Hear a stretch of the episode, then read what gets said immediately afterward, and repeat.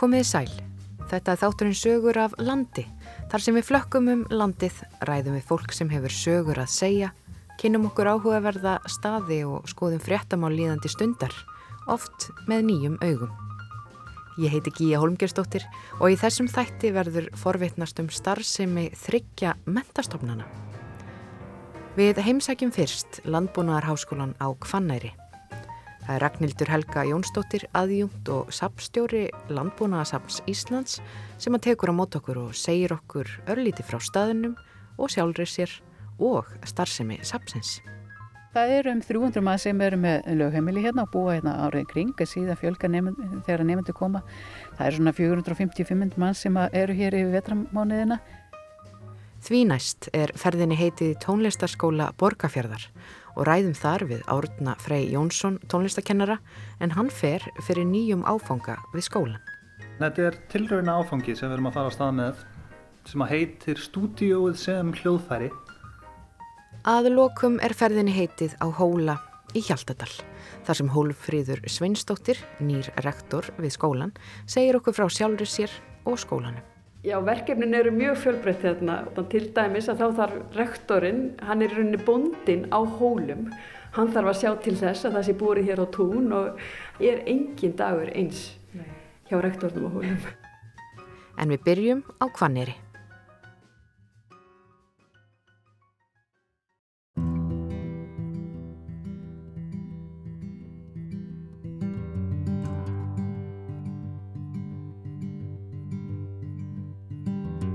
Ég heiti Ragnhildur Helga Jónsdóttir, ég er aðjúnt við Landbúnaðarháskóla Íslands og er sapstjóri Landbúnaðarsaps Íslands fyrir utan að vera bondi og ýmislegt annað eins og týðkast í sveitinni.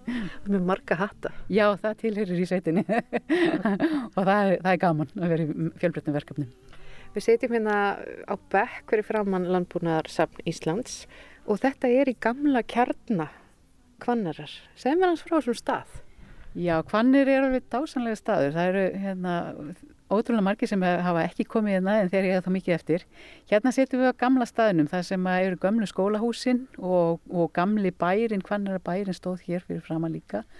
Og þetta mynda svona eina heilt og er notalegt umhverfi. Hér e, var skólinn starrættur og hefur náttúrulega starrættur frá 1889 og ímis konar starfsemi í tengslu við það. En við erum núna á þessi missirinn að hugsa svona hvernig við getum auki starfsemina í húsunum sjálfum af því þau eru svo sannlega staðapríði og væri gríðarlega tækifæri til ferðarþjónustu, svona frekari flottari kantinum eða einhver starfsemi svona tengslu við það. Því að við höfum náttúrulega undanförnum árum verið að byggja upp ferðarþjónustu hérna á staðnum til viðbota við skólastarfsemin og alla aðra starfsemi sem er hérna.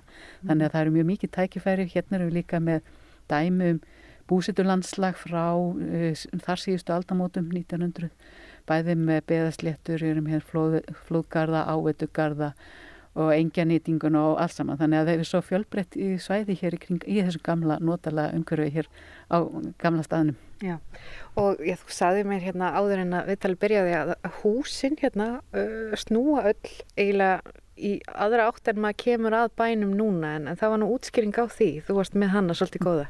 Já, eins og við komum heim á staði núna í dag þá erum við raunin að koma baktera megin. Því að á þessum tíma þegar að húsin eru, eru hönnuð, arkitektunir hönnuð þessi hús hér og staðarheildinni er mótuð þá er aðkoman frá ánni, hvítá mm. og fólk kom hér á, á bátum og lagði hér upp í, í stokkana og engjum og kom svo hér upp hallan og, og þá blasi við þessi, þessi framhlið húsana sem við sjáum ekkert nefnum við röldum hérna aðeins neyru á engjarnar og snúum okkur við og horfum upp og þá, þá föttu við hérna, heildar myndina sem er á þessum stað. Virkilega skemmtild og líka að það skuli ekki vera búið að, að spillenni með því að setja nýri hús inn á milli eða, eða fyrir framann og þess vegna þurfum við að gera meira úr því að hampa þessum parti og það hefur svo sem verið hugmyndum að, að hanna aðkomu hérna nýja sem Já. kemur hérna neðan og kemur hérna upp en hvað sem það verður en, en við, þetta er mjög skemmtilegt að, að sjá að, hvað þetta eru gerðarlega og stórar og mikla byggingar byggðar í 1910, 20, 30 Já. og alla standa hérna en það, þannig að það er alveg frábært þessi hild sem við höfum hérna staðnum. En eh, hvað búa margir núna á kvannari út af því að þetta er nokkus konar bara þorp í sveit eins og stendur hérna á ökkuru skildi? Já, það eru um 300 mann sem eru með lögheimili hérna og búa hérna árið kring en síðan fjölga nefnd, þegar nefndu koma. Það eru svona 450-500 mann sem eru hér yfir vetramániðina. Hluti af okkar nefndurum eru semst hér á staðnum en, en mikið af okkar háskólanemum eru í, fjar, í, í, í fjarnám og búa þá bara ringiringingu landið en koma hérna á fjarnámsvikur. En það er, er hluti sem að flytu búföllum og það er gríðarlega kostur að búa hérna fólk með ung, unga krakka þau komast að snemma inn á leikskóla og það er mm. gott aðgengi á leikskóla, grunnskóla og stutt í allar áttir, það, það er það sem að dregur og, og það vantar húsnaði hérna, það er, það er hér eins og viða, það, fólk sem hefur alist hérna upp, eh, fólk kannski burtu og stopnaði sínu fjölskyldu, og er síðan langar að koma heim tilbaka til að, til að alveg börnin í þessu frjálsræði sem hér er en síðan líka af fólki sem bara kemur hérna stað og heillast og vil mm -hmm. flytja henga og vera þetta er, er svo gemtilegi sveit sett Já. Og þú ert nú bóndi bara hérna rétt hjá og hefur verið hér á Kvanneri bara frá því þú varst bara lítið bann eða hvað? Já, ég er því að næsta bæ, Össu, er þar með smá fjárpústkap og fætt þar upp alveg. Ég hérna gekk ég í skóla frá 6 ára upp í, í 12 ára og síðan eins og er í dag þá fórum við upp á Kleppjursegjum í, skóla. Þannig að, að hér eru mína rætur og, og, og svona le, í leik og öllu því sko. Þannig að, og alltaf mikið starf sem í kring ungmennafélagi það er sammeilitt hér á öllu svæðinu og, og það er nýja að, og svo setna mér annar félagskapur þannig þetta er, þetta er, já, mína rætur líka hérna á svæðinu í handakilnum, því verður ekki neyta og ég er með stolt að því líka. Þannig að hafa forfiðir mínir búið núna síðustu liðlega aldina Já, og með hvernig búskap ertu eh, á bænum? Ég er hobby búskap með nokkra tíu kinda. Já. Eh, það var náttúrulega lengi vel bæði kýr og kindur og náttúrulega með fullri vinnu og, og öllu í því öðru þá verðum við bara aðeins að snýja sér stakketi vexti þannig að núna er þetta bara nokkur tíu kinda en, en voða gott að hafa þær með og, og það er líka partur að því að nýta jærðirnar halda, við halda landnýtingu mm. þannig að, að það er svona hluti af þessu uh, Segð mér aðeins frá já, því starfi sem þú vinur hérna á í landbúnaðarháskólanum. Þú ert að fást við alls konar rannsóknarstörf og kennslu. Hvað er það svona sem að þú, hvert er þitt fræðarsvið? Ég eh, kenni tölast mikið og, og mér sérhæfing við verið í landnýting og landnýtingasaga og kenni það bæði á framhanskólasti í, í bændadeildinni, beitarstjórnun og, og lífrannan landbúnað. Mm -hmm. og svo háskólabröðunum þá kenni ég já, landnýtingasögu og, og sjálfbæra þróun, það eru svona nokkur ráfangar sem við erum með í þessu. Þannig að, að það er mín sérhæfing og það tengist náttúrulega því hínum hluta starfsmín sem er að vera sapstjóri landbúnaðsapsins það er þessi saga nýtingarinnar og landbúnaðar hér á, á landi Já. þetta er samspil á milli Hvernig var það að fá uh, þetta sapn einhvern veginn í, í, fangið þegar þú byrjar hér uh, hvernig er starfsemi sapsins? Starfsemi sapsins hún hérna ég fekk þetta, þegar ég byrjaði þá, þá var nýmlega búið að hanna síningu inn í nýtt húsnaði Já. nýtt inn að gæslepa því að hér eru við í næst elsta fjósi staðarins. Þannig að þetta er Haldósfjós byggt 1928 var þá uh, annað staðista fjós á landinu. Það voru einungis korpulstæði sem voru stærri. og þetta fjós var í nótkunn fram til 2004 já, og síðan fljótlega eftir að kýtnar fóru hérna út í sitt nýja fjós þá var farið að huga hvernig væri hægt að nýta þetta, þessa byggingu. Hún er mjög vel byggð, þetta er góð steipa í þessu þannig að það var ynga meiningar um að, að riði henni eða neitt slíkt þannig að það þurfti að finna starfsemi við hæfi. Mm. Lambunasafni hafi verið hér í öðru húsnaði hinn með við hlaðið og, og þannig að fljótlega þá fórum henni að hugsa að flytja safni hingað inn. Og þá fengir, fengir sérfræðingur í að að bæði hanna breytingar á, á húsinu sjálfu en líka hanna síningun inn í þetta rými. Því að, að húsi sjálft er náttúrulega stærsti sapkjörburun okkar. Uh, að hafa fjós sem byggt á þessum tíma í þessum gæðum og var mjög nýtískulegt á þeim tíma. Það var sótt, uh, sóttar upplýsingar til uh, Danmörkur, Þískarlands um alltaf nýjasta sem var að gerast í fjósa hönnun og, og hlöðuhönnun á þeim tíma og það var síðan nýtt þegar þetta hús var hanna mhm. -huh. þannig að þetta var mjög spennandi Ég tók líka eftir þegar ég lappaði ringum sapnið áðan að, að haughúsið er nýtt og mér fannst mjög gaman að geta farið niður í haughús. Það var ekkert alltaf gert að vera með haughús og, og það stóð þarna á upplýsingaskildi að það hafi einmitt komið svolítið nýtt inn hér. Já, það var akkurat partur af þessu sem að þessu nýju í hönnun sem að voru að sækja upplýsingar um ellendis að það var að hafa höghúsundi mm. Þetta týðkast ekki hérlendis áður þannig að þetta er hlutið af því sem að, sem að var nýmóðins við, við byggingu og hönnun þessa hús þannig að það er gríðarlega gaman að geta bæði nýtt þetta og, og sínt sko, þetta sem partur af þessari sögu sem, og líka ganga þannig gegnum súreikskriðjurnar því það var líka eitt af því sem var að koma nýttinn á ja. þessum tíma. Þannig að, að það er svo margt sem binnast saman í þessari byggingu og gaman að geta haft safnið inn í þenni og samt sjá hvernig, hvernig byggingum var raunverulega nótuð í gegnum áratvíðina áður. Mm -hmm þegar maður lappar þarna gegn þá er þetta svona að farið í gegnum söguna þarna er mikið úrval dráttavila um, alls konar svona tólotæki sem voru -hmm. notið til sveita og þetta er svona grunnsýningin ykkar sem breytist nú ekki. En það eru líka eitthvað síningar sem þið vinnið og eru svona tímabundnar. Það er þarna konur í landbúnaði en núna en, en þú sagði mér að það er von á nýri síningu sem tengist nú svolítið svæðinu Já, núna hérna höfum við að stíga okkar fyrstu skrefi því að vinna verkefni um sögu lagsveiða í borgarferði. Þetta er búið að vera í gerjun svona í einhver ár að, að það var náttúrulega lagsveiðisafn hér inn í ferjukoti og það byggðist svolítið á því að sína munni og segja frá þessum veiðum en því, það var náttúrulega uh, lokað núna fyrir nokkur árum og, og síðan hefur við alltaf verið hugmynd hvert að hvort að þetta ætti að koma hinga til e, landbúnaðsapsins og þetta var þróað áfram og í, í síðasta vetur þá sóttum við um styrki til uppbyggingarsjóðs Vesturlands og síðan í Sapnasjóð um að fara af stað með stort verkefni þar sem væru rannsóknir á lagsveiðunum. Það er búið að skoða lagsfiskinn sjálfan sem lífræðilega partinn af því og, og það er þó nokkuð þekking á því en saga lagsveiðana sko þetta e, samfélagslega, efnaðslegu þættirni við þetta að þeirrim þætti hefur ekki verið gerð skil og það er mm. sápartur sem við ætlum að fara að horfa á. E, lagsveiðar er bara í rauninni hvað tekjur var þar svona undir staðundi landbúnað hér í hér. Þetta er gríðarlega mikið vegt. Þetta eru fleiri miljardar ári sem að koma hér beint og óbeint inn í samfélagi vegna þessa og þess vegna eigum við svolítið að skoða betur bæðsöguna og, og hvað áhrif þetta hefur mm til góðs og ills kannski því að þetta eru auðvitað haft áhrif á uh, kannski hvernig landbúna þessi hefðbunni landbúna hefur þróast þegar mann höfðu tekjurnar af lagsveðanum með en þetta er verðmæti, þetta er mikil auðlind sem við höfum og að, og nöðsynlegt að skoða breytingarna sem er orðið mm. í þessari landnýtingu gegnum aldirnar og áratvíina núna síðastu.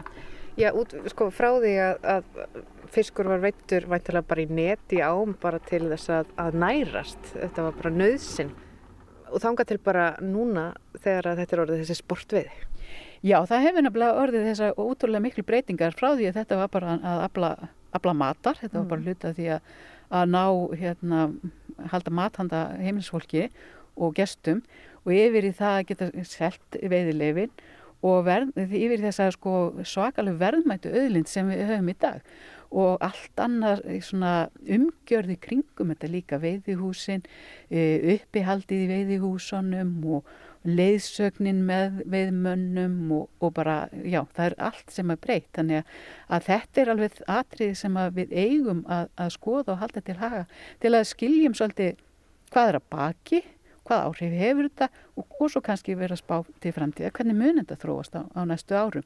E, hvernig viljum við þetta þróist. Það er líka mm. það sem er mikið verið partur af þessu að skilja söguna til við, við skiljum af hverju eru við svona þetta í dag og hvernig viljum við svo þróast til framtíða. Þannig að þetta er svona partur af því sem, sem starra dæmi hjá okkur. Já, kemur hérna hundur til okkar í vittalið. Það er nú alltaf svona sveitahundar og greinlega hér á kvannir er líka. Greinlega, já.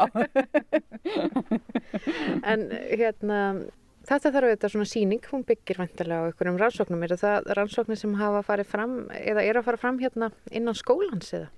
Nei, þessar rannsóknir eh, sem við ætlum að fara í, það hefur nefnilega ekki verið hérna hortið þessa. Það, eh, við hefum verið að kenna áfanga um matnavistfræð og þess að það sem lífræðilega partin. En við hefum ekki verið að horfa til eh, þessa samfélagslega hluta af lagsveðunum. Þannig að, að það er sá ángi sem við á landbúnarsafninu ætlum að fara út í og og það verður svona stæst í hlutin að þessu verkefni verður einmitt rannsóknarparturinn, útgáfu greina og efnist í tengslu við það. Og síðan e, stefnum við þá á, á setni stegum að setja upp e, svona lilla síningu sem að vonandi kannski verður að setni tímum en þá stærri þannig við byrjum á einhverju einhver hluta í því sem að verður það afrækstur af þessum rannsóknum en, en ekki síðu verður það eh, sko útgáð efnis sem mm -hmm. við mhm. stefnum á í þessu. Já. Og hver er svona helst að, að rannsaka þetta? E, það verður Anna Heiða Baldustóttir sem e, er ráðinn insérfræðingur hjá Lambúnarsamninu, gríðalegu fengur að fá, fengið slíka mannesku og bólmagt til að, að ráða hann einn. Hún er að klára sér doktorsná í sagfræði býr hérna í nágrunnu sveita manneskja bara para excellence, allan máta jákvæðan máta að og það er líka partuð af þessu að skapa atvinnu fyrir fólk sem hefur farið í langskólanám, vill búa út í dreifbílinu og gera þeim gleift að búa þarna áfram þannig að það er líka hluti af þessu sem að þarna horfi mm. en að fá slíkan eh, fræðimann í þetta, það er ómetanlegt og væri ekki hægt nema að, að ráða starfsmenn í þetta sem verður svona stóran hluta í þessum verkefni mm -hmm. á næstu árum.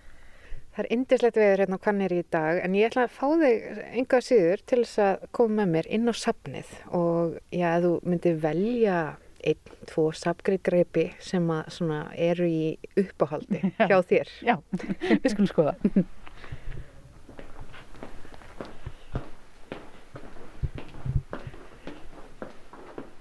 Þetta er nefnilega stórt og mikið sapn og það fjós eru nú yfirleitt fyrir eitthvað stórar byggingar.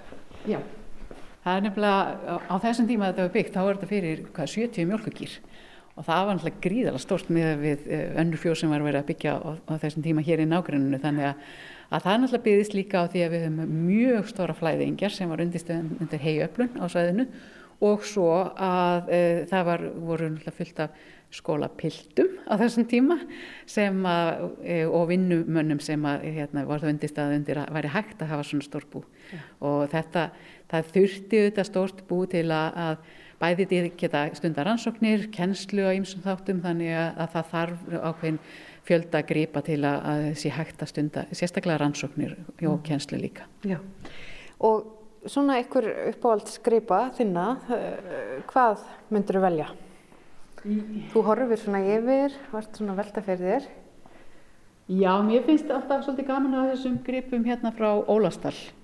Eh, Þeir eru hérna nokkri gripir sem eh, eru frá skólanum í Ólastall sem var stopnaður 1880 og er þá aðeins undan skólan hér á Kvanneri en þetta er svolítið sínir það, þau viðfansefni sem að skóla fólki var eiga við að það var verið að taka uh, þekkingu og verktækni elendis frá og aðlega hana að íslenskum aðstæðum. Mm. Af því að hér eru við til dæmis með plóa sem eru mun minni heldur en plóa sem við sjáum á, á lambunarsöfnum elendis og það er náttúrulega það því að, að ef að reyndu hauglust að flytja inn plóa elendis frá en þeir henduðu ekkit korki fyrir íslensku hestana sem eru miklu minni heldur en dráttarhestar ellendis og svo er íslensku jarfiður miklu erfiðari til að vinna á.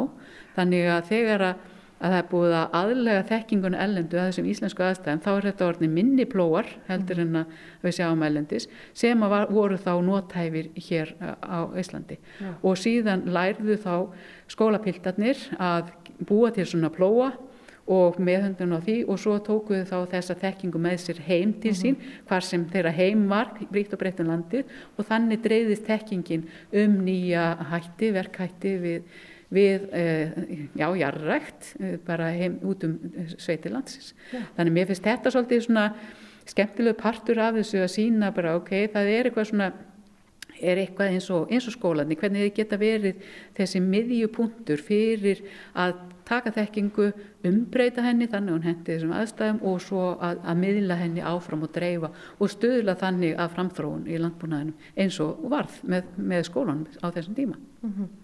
Og þetta er skólinn í Ólafstall. Var það fyrsti bændaskólinn á Íslandi? Já, það var fyrsti bændaskólinn það voru stafnaðir eh, bændaskólar í hverju amti. Já. Það var fyrir vesturamtið og, og síðan var skólinn hér á Kvanneri fyrir suðuramtið og síðan voru þeir á hólum og yðum þannig að þeir voru, voru hringin í kringu landið og, og hérna, en, en Ólafstall var svo fyrsti. Svo er hérna annar gripur sem þú ætlar að segja okkur aðeins frá.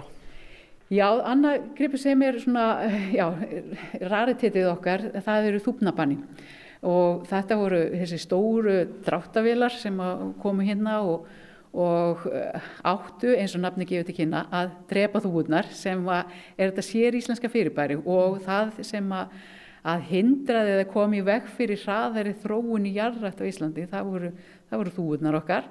Og þegar að, að eh, menn sáu þessi tæki, mikilverku tæki sem að bundi mikla voni við að þau getur þá sletta land og þannig gert það gengilegt fyrir, fyrir þeirra tíma tækni að þá er þetta svona já, gaman að hafa þetta eintök og þetta mun vera eina eintækið sem eftir er í heiminum að þessi þúpnabann sem við, við höfum hér á safninu. Og uh, en hins vegar þá allir þetta ekki sömu byltingu eins og menn vonuðust eftir að því að þetta voru stór, þung tæki og hafandi það land sem þá var blöytt og, og erfitt yfirferðar og líka voru vor þeir seinfærir þannig að það var hérna, erfitt eða seinlegt að fara á milli bæja á þeim. Mm. þannig að þeir höfðu ekki eins mikil áhrif eins og vonistóðu til. En þetta er hins vegar eitt af þessum fyrstu skrefum mm. í tækniveðingu landbúnanis og þeir koma þarna rétt og eftir eh, fyrstu dráttaveilunist sem kom 1918 til landsins.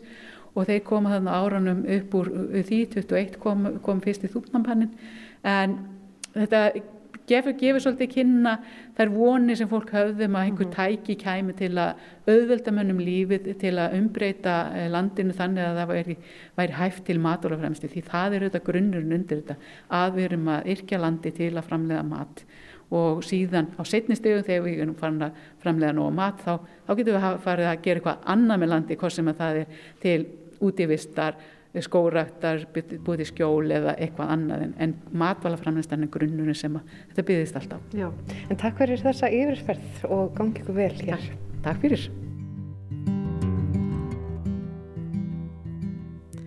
Rætt var við Ragnhildi Helgu Jónsdóttur, aðjungt við Landbúnaðarháskólan á Kvannari og sapstjóra á Landbúnaðarsafni Íslands. Næst höldum við í Borgarnes. Tónlistarskóli Borgarfjörðar tók til starfa í september árið 1967 og fagnar því 55 ára starfsammali. Fjalla var um afmælið í svæðismiðlunum Skessuhorni þar sem segir að fyrsta veturinn hafi 39 nefendur stundanám við skólan og voru kennarar fjórir auk skólastjóra. Nefnendum hefur fjölgað og hafa yfir 200 nefnendur stundatónlistanám á hverjum vetri síðustu ár. 13 kennarar starfa nú við skólan í mistórun hlutföllum, auk Sigfríðar Björnsdóttur skólastjóra. Og áfram vitnum við í Skessuhorn, þar sem Sigfríður skólastjóri segir í viðtali að þau séu sérstaklega spennt að hefja nýja önn og taka við nýjum og gömlum nefnendum á öllum aldri. Hún hvetur sérstaklega táninga á fullorna til að koma hvort sem þau vilja hefja nýtt nám eða taka upp fyrra nám. Við erum líka alltaf opinn fyrir nýjum hugmyndum, segir Sigfríður. Og það er akkurat nýjar hugmyndir sem við ætlum að fjalla um hér næst. En sagt er í viðtalinu að skólinn hafi verið í nokkurs konar umbreytingarferðli síðastliðið ár og mun nú til dæmis byrja að kenna nefndum á hljóðverð. Við forvetnumst næst um nýjan áfanga við tónlistaskóla Borgafjörðar.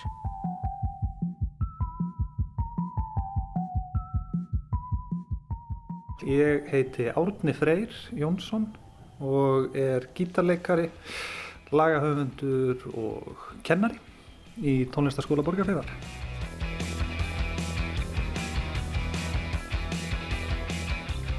Þetta er tilrauna áfangi sem við erum að fara á stað með eh, sem að heitir Stúdióið sem hljóðfæri og er í rauninni, það er eins og ég segi, þetta er tilhörna áfangi fyrir, fyrir lítið nefndahóp eh, það sem ég er að kenna svona grunninn á helstu hljóðvinnslu forrið og kenna svolítið í leiðinni kannski að nota stúdióið sem tæki til þess að semja frekar en bara tæki til þess að taka upp.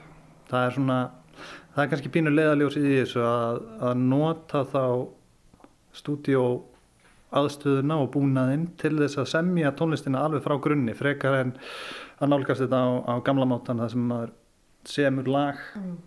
klárar það, æfur það og fer síðan og borgar einhverjum fyrir að taka það upp sko. hérna, hérna er meira að hugsa þeim að, að fá hugmynd, taka hana strax upp og, og vinna hana síðan út sko.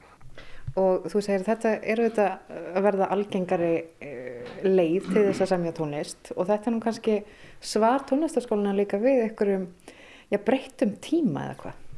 Já, alveg, það má alveg segja það sko. Það er allavega, að það fer ekkert á milli mála. Þetta er svona, þetta er búin að vera leiðin, já, til þess að, eða hjá rosalega mörgum núna til þess að búa til tónlist og mikið af sko svona stærstu tónlistamennum í dag náttúrulega nota þennan búnað og, og stúdíóið samhliða því að semja tónlistina og ég gerir það sjálfur líka mjög mikið sko. Þetta er orðin sennilega aðalaðferðin við, við að búa til tónlist sko. En þurfa nefndið að kunna eitthvað á hljóðfæri þegar þið komið inn í þetta eða, eða hvernig er það? Nei, ég sjálfur sér ekki. Við erum með nefndur núna í áfanganum sem eru frábæri hljóðfærleikarar og, og svo eru við með aðra sem eru að taka fyrstu skrefin sko. Og er þetta byrjað eða, og, og hvernig hefur þetta farið á stað? Já, við tókum fyrsta tíman í síðustu viku. Það var nú bara, já, létt kynning og fórum yfir grunninn á, á forrautunum sem við ætlum að nota og, og já, bara svona að fá tilfinningu fyrir nefndunum en, en ég er mjög spenntur fyrir því að halda áfram. Þetta fer mjög vel á stað. Hvernig er svona tónlistalandslægið hérna í, í Borgarnesi, í tónlistaskólanum? Hvernig, hvernig skóli er þetta? Já, þetta er, myndi ég segja bara, það er svona tónlistaskóli í sinni hefðbundnu mynd, sko. Uh, ég allavega finnst mér sem aðfluttum eða aðkomumanni þarna, hann er, hann er rosalega vinsæl skólinn, það eru margi nefendur og það eru rosalega mikið af fólki allavega sem að ég þekki sjálfur sem ólust upp í borgarni sem þykir rosalega, rosalega vænt um skólan.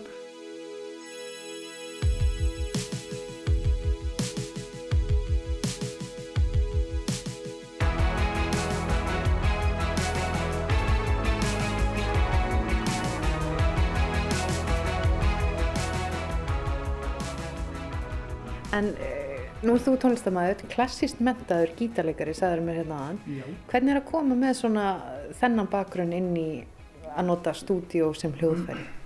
Já, sko það er, já það er svo sem annar skóli út af fyrir sig en ég er búinn að vera núna með stúdíó eða leia lítið stúdíópláss í, í þó nokkur ár með hérna kunningja mínum og það er svo sem frekar bakgrunnurinn sem ég tek inn í þennan áfanga sko. En síðan eftir náttúrulega klassiska námið þá fór ég í BA nám í listaháskólanum í skapandi tónlistammiðlun og tók þar samhliða því alls konar áfanga í upptökum uh, og samhliða því það sem ég var bara sjálfur að, að vinna við að taka upp og, og leika mér og gera alls konar sko. yeah. það er svona frekar myndi ég segja, reynslan sem ég tek inn í uh, þennan áfanga heldur en uh, það sem ég lærði í klassískum hljóðfæraleik sko. Yeah. Og svona nám eins og þetta sem er þú ert svona með í mótur hann í, í borganessi mm. þetta gefur auðvitað fleirum tækifæri til þess að nálgast tónlist. Þú talar hérna um einhverja sem að kunna ekkit á hljóðfæri. Þarna opnast einhver ný gátt. Já, vonandi. Ég meina það eru margir sko margir af þeim sem ég spila með og margir af þeim sem ég þekki í tónlistasenunni í dag er ekkit endilega sérstakir hljóðfæraleikarar. En eða sérstakir hafa kannski svona grunnþekkingu á alls konar hljóðfærum en búa til frábæra tónlist bara með þessum fórutum þannig að það, svona, að fara, að sé, það er vonandi að þetta sé að fara að opna dittnar fyrir einhverjum sko. það er allavega að væri frábært eða það myndi gera það Ég segi bara gangi ykkur vel í tónlistarskólanum Borganesi með þessa já, nýja áfanga uh, stúdíóið sem hljóðfæri takk. og takk fyrir spjallið ja, Takk hella fyrir Rætt var við Árna Frey Jónsson, tónlistakennara við tónlistaskóla Borgafjörðar, um nýjan áfanga við skólan sem kallast Stúdíó sem hljóðfæri. En því næst er ferðinni heitið til Hóla í Hjaltadal. Nýr rektor er tekin við í háskólanum á Hólum. En hvað er það sem einkennir starf rektors við Hólaskóla og hvað ætla nýr rektor að leggja áherslu á í sínum störfum? Við forvitnustum allt þetta og höldum til hóla og spjallum þar við Hólmfríði Sveinsdóttur, nýjan rektor á hólum.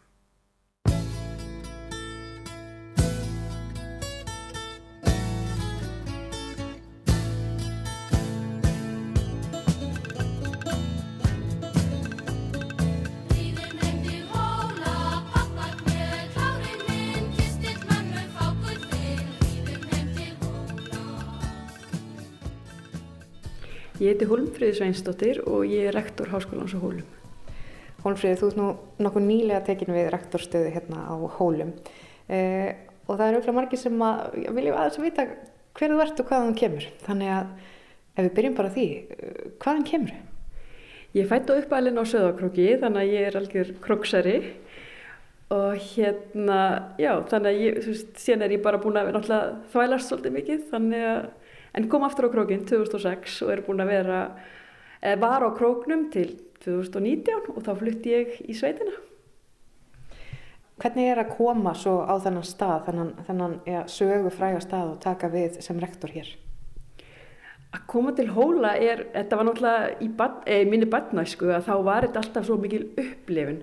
Þess, turnin var svo stór, kirkjan var svo, það var svo mikil upplifin að koma inn í kirkjuna, hérna bara alltaristablan og allar innréttingar og allt þetta.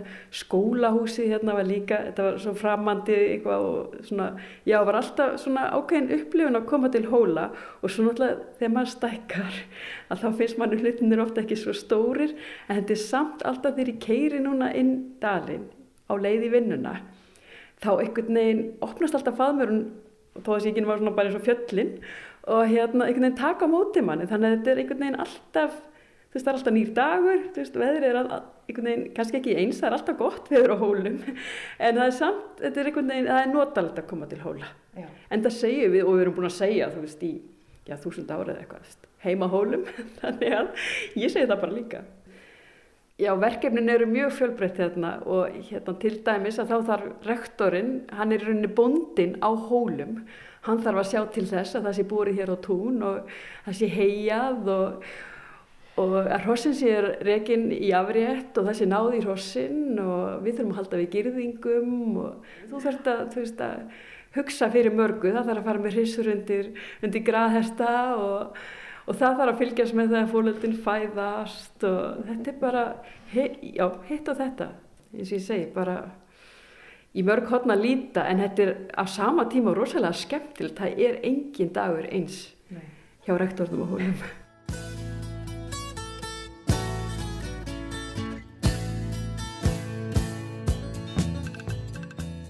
Þessi staður, það er auðvitað háskólinn hérna, það er miklu meiri starfsemi en mann grunar. Getur þú svona talið upp hvað er hérna? Jú, þetta er náttúrulega, þetta er þorp. Þetta er svona lítið þorp út á landi, hólar það búa hérna að, ég myndi segja svona 300 manns hérna, hérna er leikskóli og það er grunnskóli á hólum og við erum með sögursettur íslenska hessis hérna og náttúrulega kirkjuna veist, sem, er mjög, sem er, hefur fyllt skólanum síðan bara frá upphafi, síðan 1106 að þá kom bisk, var biskupstól settur á hóla og þá var stofnaða skóli um leið.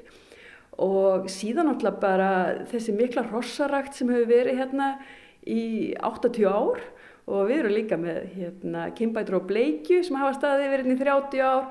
Þannig að það er, það er mjög mikið svona, já það er bara mikið svona mannlíf og dýralíf hérna myndi ég segja fyrir náttúrulega bara og svo í þessari frábæru náttúru. Mm -hmm. Þú er tróðsögakróki, sagður þú. Eh, þú ólst þar upp og fórst í skóla hvernig, hvernig eh, er svona þín mentun, þín bakgrunnu þar? Ég fór í grunnskóla á Króknum og lög grunnskólanámi frá grunnskólanum þar og síðan fer ég í fjölbrytaskólan og klára stúdenspróf af náttúrufræðibraut ferst til bandaríkjan í eitt ár, kem aftur á Krókin kynnist manninu mínum og við förum saman til Þýskalands þar sem hann hefur, byrjar námi í dýralækningum og ég fer í næringafræði Hvað var til þú valdi næringafræði?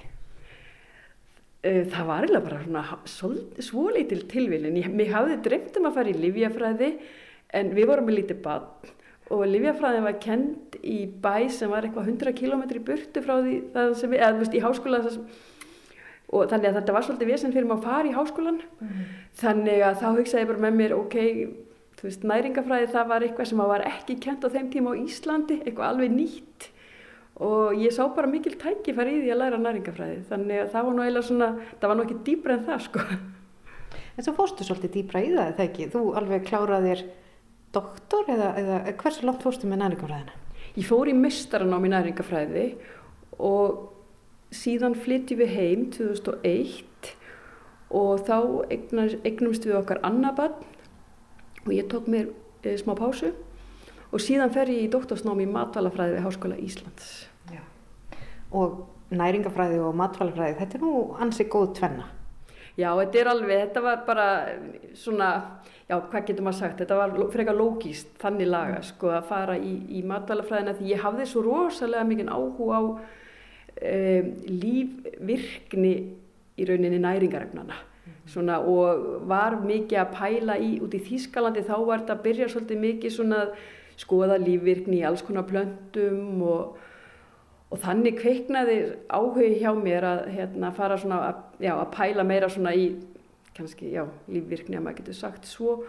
Og, og ný, bættri nýting og ráefni og, og fiskaldi var að byrja hérna á Íslandi svona, eða þorskaldi réttar að sagt og það voru mikil tækifæri og AFS sjóðurinn eh, aukið verðmæti sjáarfangs að sá sjóður var settur á laginnar hann í kringum 2003-2004 Þannig að það var svona mikill fókus á aukna nýtingu þannig að þá og þú veist og auk, aukna verðmætasköpun í sjárótvi og þá fór ég aðeins að horfa á það og fór sem sagt byrjaði í doktorsverkefni sem snýrist um að skoða í rauninni lifun þorsk lirfa í eldi og hvort það væri hægt að nýta sjáarfang eða þú veist einhverja hlýðarafurður úr sjáarfangi til þess að þróa fóður eða eitthvað veist, eða bæta umhverfis aðstæður hjá þessum þorsklirfum yeah. þannig að þannig byrjar þetta einhvern veginn og svo þróast þetta út í próteintjáningu þorsklirfa verkefni mitt þannig að já, ég er alveg búin að veist, þannig, þannig að þannig einhvern veginn byrjar þetta og auðvitað þegar ég horfi á eitthvað hráefni, það skiptir eiginlega ekki máli sko, þá horfi ég yfirleitt á það með augum næringafræðingsins. Það hugsa ég með mér, ok, það er þarna magnísíum eða prótein eða þessi aminosýra eða eitthvað til staðar í þessu hráefni. En það er greinilegt að þú ert vel að þér þá í svona þessu fiskaldi sem er einmitt kent hérna á hólum. En hvernig kemur þú svona, já hér er líka herstabrautin, uh, ertu mikið í herstum til dæmis? Já, ég er alveg töluvert í hestum. Ég, hérna, ég og maður minn, við búum í sveit. Hann er dýralagnir. Og hérna... Við verðum eiginlega að fá að vita, hvað heitir maður þinn? Já, maður minn heitir Stefan Fridriksson og kemur frá Glæsibæ og þar búum við í dag og starfum ekki um dýraspítala, dýraspítalan í Glæsibæ sem er, unni svona bara blandaður dýraspítala, við erum með bæði með smá dýr og hersta og gýr og kindur og allt, erum við með alltaf það, eða ekki við þeir dýralagnandir, ég kem lítið að þessu. En, hérna, en við erum sérst með hesta bara tölvöld marga hesta, erum í rossarækt og svo erum við bara gaman að því að fara í útræðatúra og, og hann er svona aðeins að temja og strákarnir okkar líka. Þannig að já, þannig tengist ég inn í hestana og svo er ég náttúrulega, pappi minn hefur alltaf átt hesta þannig að það var alltaf verið hestar á heimilinu mínu.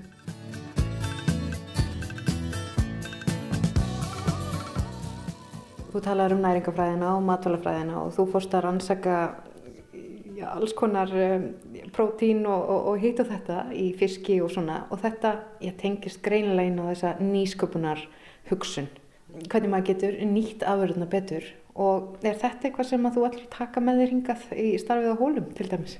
Já, alveg klárlega. Þetta er svona svona þegar maður er búin að, þú veist, þegar maður eh, byggir upp svona ákveðin kjark í að segja bara það sem hann er dettur í hug þegar í ykkurum svona umræðin, þú veist, bara já, maður getur gert þetta, þú veist, mm. þessi að leifa svolítið frumkvölunum inn í manni svolítið að, að vaksa og dafna og mér langar til þess að innlega þessa menningu, ekki halda aftur að þér þegar þið færði ykkur hugmynd, því að yfirleitt eru, það er svo margar góðar hugmyndir sem skjóta, koma, koma upp í kollin á fólki og nýsköpun, hún verður til í kollinum á fólki. Það er bara þannig og mér langar til að koma með þessa menningu inn í háskólan og hólum og ekki þá hún hafi ekki verið til staðar. Hér er náttúrulega mjög öfluga rannsóknir stundar við háskólan og hérna í öllum þremur, á öllum þremur fræðisviðunum en svona kannski þessi tenging við, við atvinnulífið og nýsköpun innan bæði starfandi fyrirtækja og svo þessara í rauninni þessara fyrirtækja sem er að byrja sem við köllum svona þessi sprota fyrirtæki að, veist, að, að ebla þetta, við verðum meiri þáttakandur í nýsköpun í atvinnulífinu. Mm -hmm. Hólar þetta hefur nú svona laðað að svolítið erlendan nefndahóp uh, allavega hestabrauninni. Hvernig er svona nefndahópurinn samsettur? Já, nefndahópurinn hérna við háskólan er bara mjög alþjóðlegur og það er ekki Sko þetta hefur náttúrulega verið mjög sérstakt við, hérna, við hestafræðidildina hvaða er mikið af erlendu nefndum og, og bara hvað, hérna, því að til þess að komast, það er intökuprófin í hestafræðidildina og þú þart að í rauninni að bara tala, ekki að tjáði á íslensku ja. Og, og bara skilið íslensku vel til þess að komast þar inn og þannig að veist, þetta er fólk sem leggur mikið á sig til þess að komast í nám við háskólinu og hólum en það er líka í ferðamála deildinni eða ferðarmálafræðinni, þar erum við líka með stóran hópa velendum nefendum sem og í fiskaldisfræðinni. Við erum, erum að bjóða upp á nám á mestarastí sem er samnorrænt bæði í fiskaldis- og fiskalífræðadeildinni sem og í ferðarmáladeildinni og, hérna, og síðan kemur alltaf hópur frá saminuðu þjóðunum, frá sjávarútvöks háskóla saminuðu þjóðuna til okkar á veiturnar í fiskaldisnámið þannig að það er já þetta er mjög eh, alþjóðlegur skóli myndi ég segja. Svona umlukin hérna skakfyrsku fjöllunum einhvern veginn inn í dal, þetta er eiginlega ótrúlegt að þetta sé svona alþjóðlegu punktur. Já en ég held að sé alltaf fleiri og fleiri sem laðast af því að, að vera einhvern veginn lifa og, og læra í, í bara út í náttúrun einhvern veginn og bara í svona, já, í samband, eða svona, hvað segir maður, í í nánu sambandi við náttúruna og þetta er, þetta er líka verða eitthvað sem er eftirsótt. Mm. Núna þegar í rauninni flestir jarðabúar þeir búa í, í borgum að þá fara einmitt svona staðir þegar fólk ákveður að fara í nám og akkur er þá ekki að, að í, tækif, sko, í leiðin að nýta tækifærið og, og vera þá í náminu svolítið svona, já, utan þjættbílisins ef maður getur sagt svo. Núna erum við hérna inn á skrifstofuðinni að taka þetta viðtal og skrifstofun er staðsett í gamla skólahúsinu. Þetta er gamli bændaskólinn. Hvernig var þetta hús byggt og hvernig eru þið svona að nýta þetta hús en þetta í dag?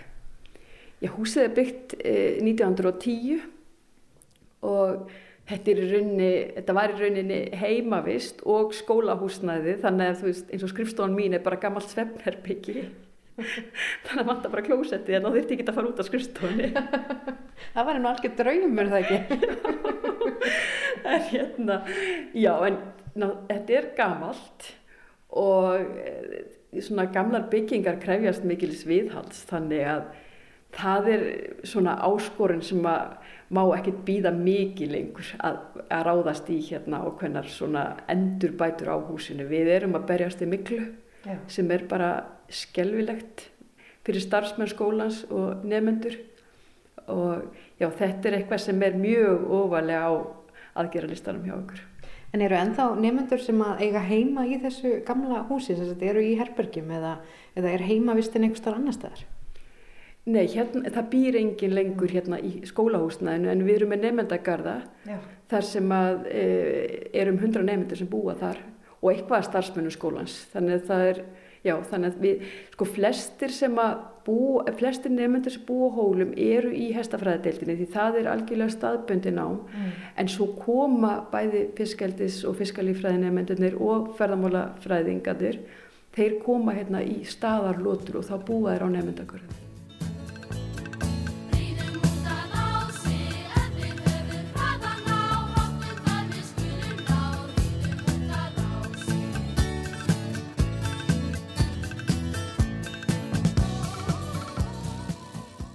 En nýmanniska sem tekur við svona nýjum verkefnum eins og þú ert að gera hérna, það er nú alltaf svona einhverjir draumar eh, sem að fólk tekur með inn í nýstörf. Hvaða, hver eru svona þínu draumar gagvart þessum stað og þessum skóla?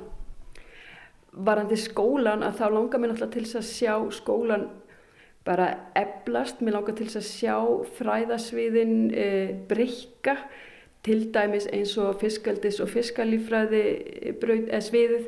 Þar langar mig til að sjá okkur fara meira yfir í hérna, þörungarækt, hvort sem það er örþörungar eða stórþörungar e, og, og nám á því sviði og rannsóknir. E, mér langar til að sjá okkur líka fara yfir í svona svokallega samanrækt þar sem við erum ekki bara eina tegund, við erum kannski með skellfisk eða þörunga eða eitthvað í, í, þá í samlífi með fiskunum sem við erum með í, í, hérna, að rækta og e, mér langar til að sjá e, ferðamálafræðina þróast út í meira svona tengt útivist, menningu, náttúru, við erum að kenna mikið á því, reyndar innan sviðsins en mér langar til að sjá það eflast enn frekar og náttúrulega alla svona því við erum svona mikið í fjarnám, eða með fjarkjænslu að sjá okkur svona þró okkur út í svona, já, hvað segir maður, svona fjölbreytilegri kennslu aðferðir og hérna vera svona vera teknilega sinnu þar.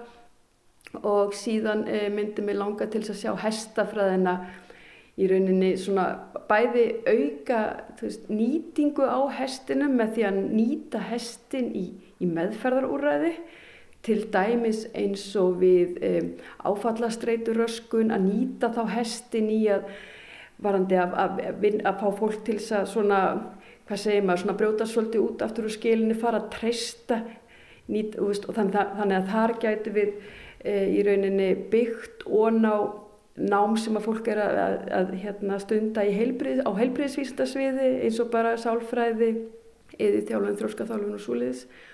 Svo myndi mér langa til þess að sjá e, innan skólans e, uppbyggingu og endurmöndun og til dæmis varðandi hestafræðidildina við getum, nefndunur okkar geti leita til okkar aftur, tekið teki þá einhverja kursa í endurmöndun, við myndum langa til þess að sjá játningarnám verða byggt upp við hestafræðidildina eh, mér myndi langa til að sjá fleiri dýralækna koma og stundar rannsóknir við hestafræðidildina þannig að þetta er svona eitthvað sem að hérna, mér myndi langa til að sjá skólan svona fara meira í áttina að.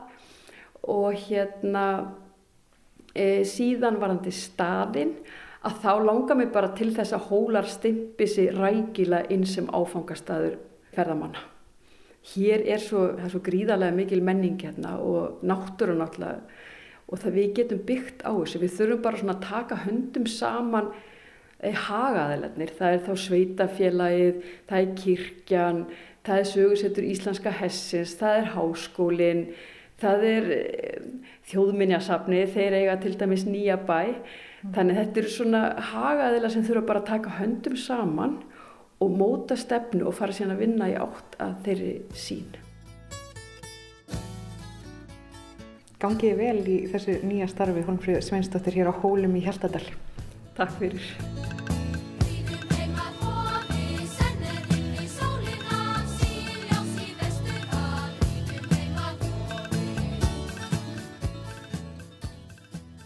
Rætt var við Holmfríð Sveinsdóttir, rektor Háskólans á Hólum og þá er komið að lokum í sögum af landi. Í þættinum var auk Holmfriðar rætt við Ragnhildi Helgu Jónsdóttur, aðjungt við Landbúnaðarháskólan á Kvanneri og sapstjóra Landbúnaðarsaps Íslands og Árna Frey Jónsson, tónlistakennara við tónlistaskóla Borgafjörðar sem fer fyrir nýjum áfanga við skólan. Og við minnum á að þennan þátt og eldri sögur af landi má finna í spilara, rúf og öðrum hlaðvarps veitum. Við þakkum þeim sem hlýtu, lífið heil.